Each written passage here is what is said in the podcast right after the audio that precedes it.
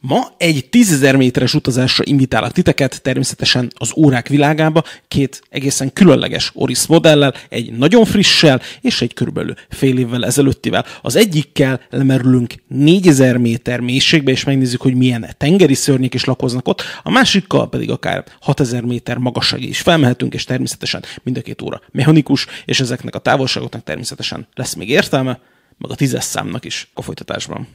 Ez most a podcast formátum. A teljes élmény érdekében nézd meg YouTube-on, vagy a beszéljünkórákról.hu-n. Nagyon sok szempontból úgy érzem, hogy az Oris nem kapja meg azt a fajta figyelmet, amit egyébként érdemelne, az órás világon belül is, itthon meg aztán pláne, és pont ezért gondoltam azt, hogy mi lenne, hogyha két nagyon érdekes Oris modellel találkoznánk. Az mind a kettőhöz már volt szerencsénk, mind a kettő ott volt velünk már egyébként Genfben, és megnézhettük őket a Watches and wonders csak az Aquis Pro 4000 akkor még embargó alatt volt, és akkor is mondták, hogy majd augusztusban jelenik meg, úgyhogy akkor nagy piros dolgokkal le volt ragasztva, úgyhogy nem annyira lehetett róla beszélni, forgatni, meg ilyesmi.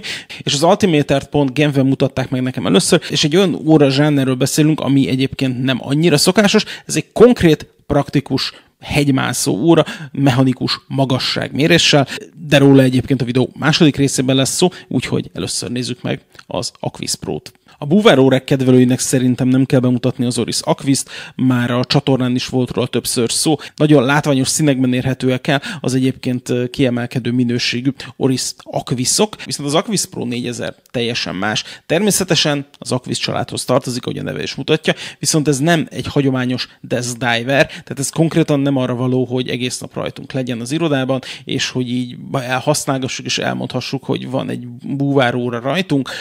Ez egy sokkal markánsabb és egy sokkal fajsúlyosabb dolog a szó minden értelmében, és természetesen mindennapi használatra nem is alkalmas szerintem, ha csak valaki nem valami hatalmas hegyomlás. Úgyhogy ennek az órának már a méretei is tekintét parancsolóak. Egy csomó mélytengeri szörnyel találkozhatunk az elmúlt években, ugye a Rolexnek a Deep Sea Challenge órái, azok folyamatosan arra készülnek, hogy a Mariana árok legmélyéig is akár lejuthassanak, mondjuk adott esetben egy tengeralattjáróra kötve, és az Omegának az Ultra Deep Sea Master is azt állítja, hogy olyan 6000 méteres mélységig azért egészen üzembiztosan lehet használni, és ebbe a sorba be az Oris Aquis Pro 4000 is. Az Aquis családot a svájci búvárórák kedvelői már régóta felfedezték maguknak, viszont ez nem az a modell lesz, amiért mindenki rohanni fog, hogy megvegye. Egyrészt az ára is a klasszikus Aquisoknál egy kicsit borsosabb, másrészt a mérete az, ami konkrétan az embereket szerintem el tudja riasztani. Na de mi is ez a méret, mert már másodszor említem néhány percen belül, és ez tényleg a nagyobb darab srácok közé tartozik, majdnem 50 mm, egészen pontosan 49,5 mm az átmérője,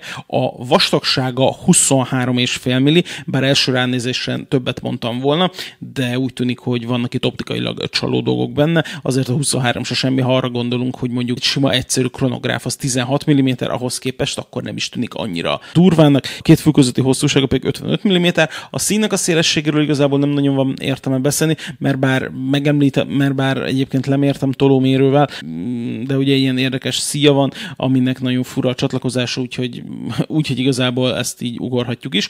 Hogy az első dolog, amire felfigyeltem, miközben kicsomagoltam, az az illata volt. Mert hogy itt is az van, hogy rendes, becsületes kaucsuk szíjat kapott, és, és ugye illatosították, és van egyfajta vanília illata, és ezt imádom, és sajnos ez nem tud átjönni a kamerán, de ez már egy egészen jó nyitánynak számít, de természetesen nem ez fogja eladni magát az órát. És bárhogy is nézzük, ugye ez szintisztán egy eszközóra, és a súlya egyébként nem tűnik annyira nehéznek, mint amennyire a mérete alapján először gondolnánk, és ez természetesen azért van, mert ennek az órának a tokja is titánból készült, ahogy az idén bemutatott Rolex Deep Sea Challenge is, úgyhogy a, úgyhogy a titán órák között is így gigászi a harc jelenleg a mezőn. Viszont ezek a mélytengeri szörnyek között az Aquis Pro-nak mégiscsak van egy előnye, mégpedig az, hogy a felsorolt háromból, bár tény, hogy ennek a legkisebb a vízállósága, mert időzőjelben csak 4000 méter a, a 6 és a 10.000 méteres mélységek között, mégiscsak ennek a legvisszafogottabb az ára. Ami nekem mint funkció nagyon tetszik rajta, mert hát persze lehet dicsérni a számlap kialakítást, meg lehet dicsérni a tokot, és egyébként fogom is, mert szerintem a tokja azért figyelmet érdemel, mondom annak, a, annak ellenére, hogy, hogy iszonyatosan, tehát egy, konkrétan egy űrkapszulához hasonlít alapvetően, hátlemez egyébként természetesen szépen dekorált, ahogy azt elvárhatjuk, olyan, mintha valami kis táblázat lenne, vagy valami ilyesmi, de nem gondolom, hogy dekompressziónál használnák ezt a táblázatot, mert hogy az, azok alapvetően úgy gondolom, hogy máshogy néznek ki, meg 4000 méterről nem tudom, hogy hogyan, hogyan dekompresszál, szerintem. Na, no, de térjünk ki a lünettára, mert ez nekem nagyon tetszik. Van egy saját ilyen lünetta lokkolási rendszere, amit ők ugye Rotation Safety Systemnek, vagyis hát RSS-nek hívnak. Ennek a lényege az, hogy jól látszik, hogy van rajta ez a műanyag sáv, és ez nem lünetta védő, hanem ez maga a rendszernek a része, és így ki lehet pattintani fölfelé, így hallatszott a kattanás, és utána aktiválódik csak a lünetta, a forgatható lünetta, és csak akkor forog. És elég-elég jó hangja van és amikor a megfelelő pozícióba állítottuk, akkor ezt a műanyagot lenyomjuk, tehát ez csomó helyen lokkol, és maga, a, maga ez a lünetta egyébként körbeforgatható, tehát ezt lehet forgatni oda is, vissza is, teljesen mindegy, hogy milyen, milyen merre. Viszont ez lezárta magát a lünettet, és konkrétan lünetta ilyenkor nem forog, csak egész addig nem, amíg vissza nem húzzuk, és akkor ismét forgatható.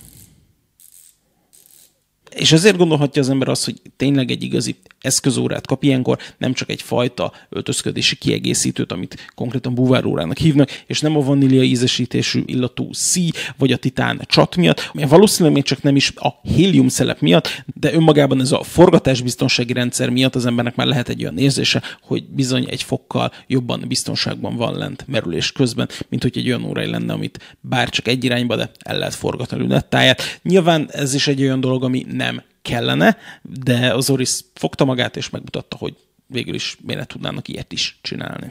Magában az órában egy korábban már tárgyalt és jól ismert szerkezet van az Orisnak a Kaliber 400-asa. Ugye ez egy 5 napos, vagyis hát 120 órás járástartalékkal rendelkező mechanikus automata szerkezet, aminek két rugóháza van, 4 hercen billeg, úgyhogy így érik el ezt a fajta járástartalékot. Ugye a ProPilot X-ekben, a Brekis órában ugyanez a szerkezet volt, úgyhogy ez senki számára nem ismeretlen, úgy gondolom. Számos nem megnesezhető alkatrész van benne a billegőben, és emiatt, van, emiatt is van az, hogy 10, azaz 10 év garanciát vállalnak erre az órára. Évek óta mondom, hogy nekem nagyon szimpatikus az, hogy elkezdtek felfelé kúszni a garanciális idők. Srácok, ne hagyjátok abba. Ami még egyébként szemrevaló, és akkor beszéljünk még egy kicsit a számlap kialakításról, ha már az elején kimaradt. Ugye a számlapon nyomtatott hullámforma van, ebben egyébként nem vagyok feltétlenül biztos, hogyha tényleg funkcionalitásról beszélünk, hogy ez olyan nagyon-nagyon előnyös, bár ugye alapvetően a számlapon azért túl sok mindent nem kell látni búvárkodás közben.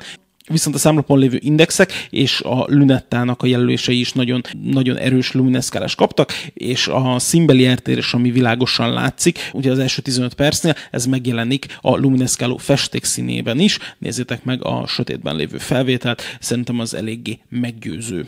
Ennek az órának a hivatalos svájci listára 5700 svájci frank, a magyarországi listára pedig 233 ezer forintos nagyságrendet jelent. Viszont az óceánok mélye után menjünk föl egy kicsit a hegyekbe. És most a ProPilot családból hoztam egy olyan órát, ami konkrétan alkalmas is erre, magas hegyi túrázáshoz van eredendően kitalálva, és ennek a családnak a tagjai már korábban acéltokkal megjelentek, és az órának a lünettája a ProPilot X-ről már ismerős lehet, ugye akkor titánból volt, ez az óra viszont egy úgynevezett molding technológiával készült, karbontokos óra. A moldingról azt érdemes tudni, hogy ezt valahogy hasonlóan kell elképzelni, mondjuk a 3D nyomtatást, csak ez nyilván ipari mennyiségben és ipari méretekben történik, még ipari technológiákat felhasználva, és, és nem ilyen otthon felhasznált sorjás műanyag rudakkal, úgyhogy ezért van az, hogy a, a tokjának a tapintása olyan, mintha valami nagyon jól polírozott fémről beszélnénk, ami egyébként egészen könnyű. Az érdekessége ennek a modellnek, azon kívül, hogy ugye egy olyan családról beszélünk, ami nem a legnépszerűbb szerintem, és önmagában a zsáner sem feltétlenül, mert persze mondom, pilóta óra zsánerbe van ültetve, viszont ez egy funkcionális túraóra igazából, és ami a legérdekesebb benne az ugye a mechanikus magasságmérő. És amit elkezdtem az előbb az érdekessége kapcsolatban, hogy a legérdekesebb dolog rajta az, hogy ez az óra önmagában nem tartalmaz eltartó gyűrűt, tehát konkrétan láttunk már olyan órát, amelyik óra köré tervezték magát a tokot, a ProPilot X-nek a csontvázasított verziója az pont ugyanilyen, és itt is erről van szó. Tehát, hogy konkrétan, a, ha megnézitek az órát, egyébként nagyon-nagyon világosan látszik, hogy hol lett belehelyezve maga a szerkezet, és ez látszik is ugye a számlap mentén, és ott mellette ugye van a sárga kijelzés, ez mutatja, az aktuális tengerszint feletti magasságunkat. És természetesen hagyományos óraként is működik, mutatja az órát, a percet, a másodpercet, a dátumot, gyors dátumállítási lehetőség és minden.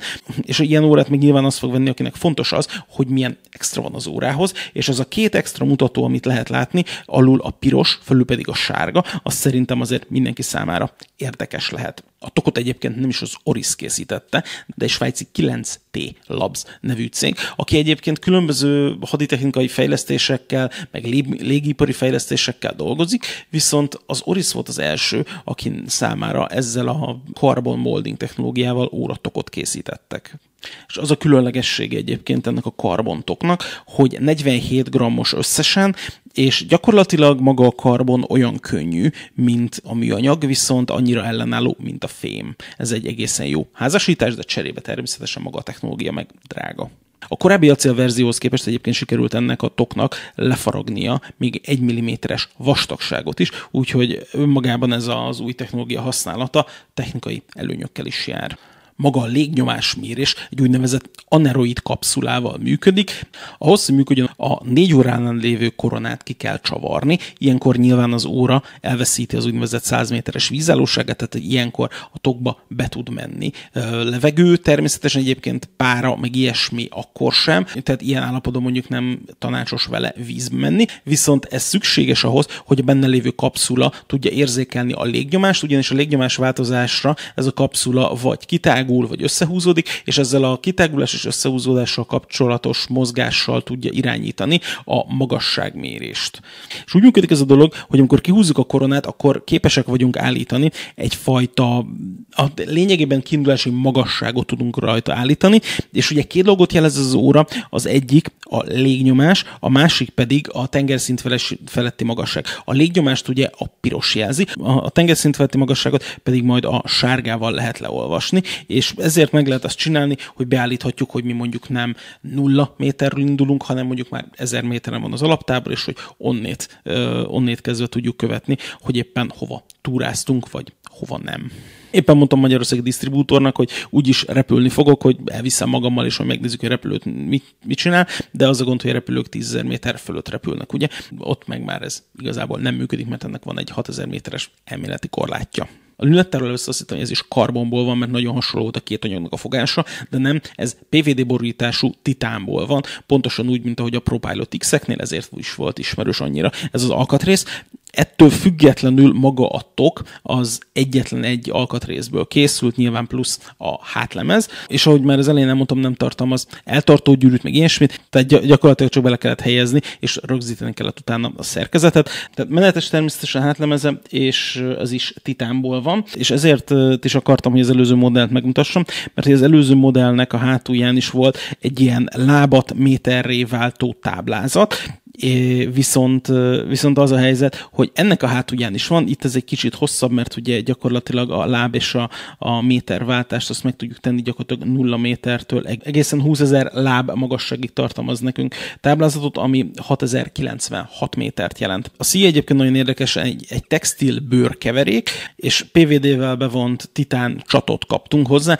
ami színében illeszkedik magához a, a teljes tokhoz. Enyhén ívelt zafírkistálya van, tükröződésmentes mentes réteget kapott természetesen elől és hátul. A benne lévő szerkezet pedig egy Oris 793-as, aminek 56 óra járás tartaléka van, ami az előzőhöz képest valamennyire egy hagyományos verk, ugye nem tartalmaz szilícium alkatrészeket, viszont tartalmazza ezt a magasságmérős komplikációt. A két óra közül először azt hittem, hogy a búváróra lesz a drágább, de nem. Mi ennek a különleges szerkezete miatt, a különleges külső gyártású tokja miatt és a különleges komplikáció miatt ennek az ára 6200 svájci frank, van, ami 2 millió 550 ezer forintos magyarországi listárat fog eredményezni. Úgyhogy nem tudom, hogy ti mit szeretnétek, 4000 méterre búvárkodni lefelé, vagy 6000 méteren a hegyekben sétálni, de bárhogy is van, most hoztam nektek két órát, ami mind a kettő helyzetben megfelelő. Remélem szimpatikus volt nektek mind a két újdonság, várom kommentekben, hogy melyik tetszett nektek a jobban, és találkozunk a jövő héten. Sziasztok!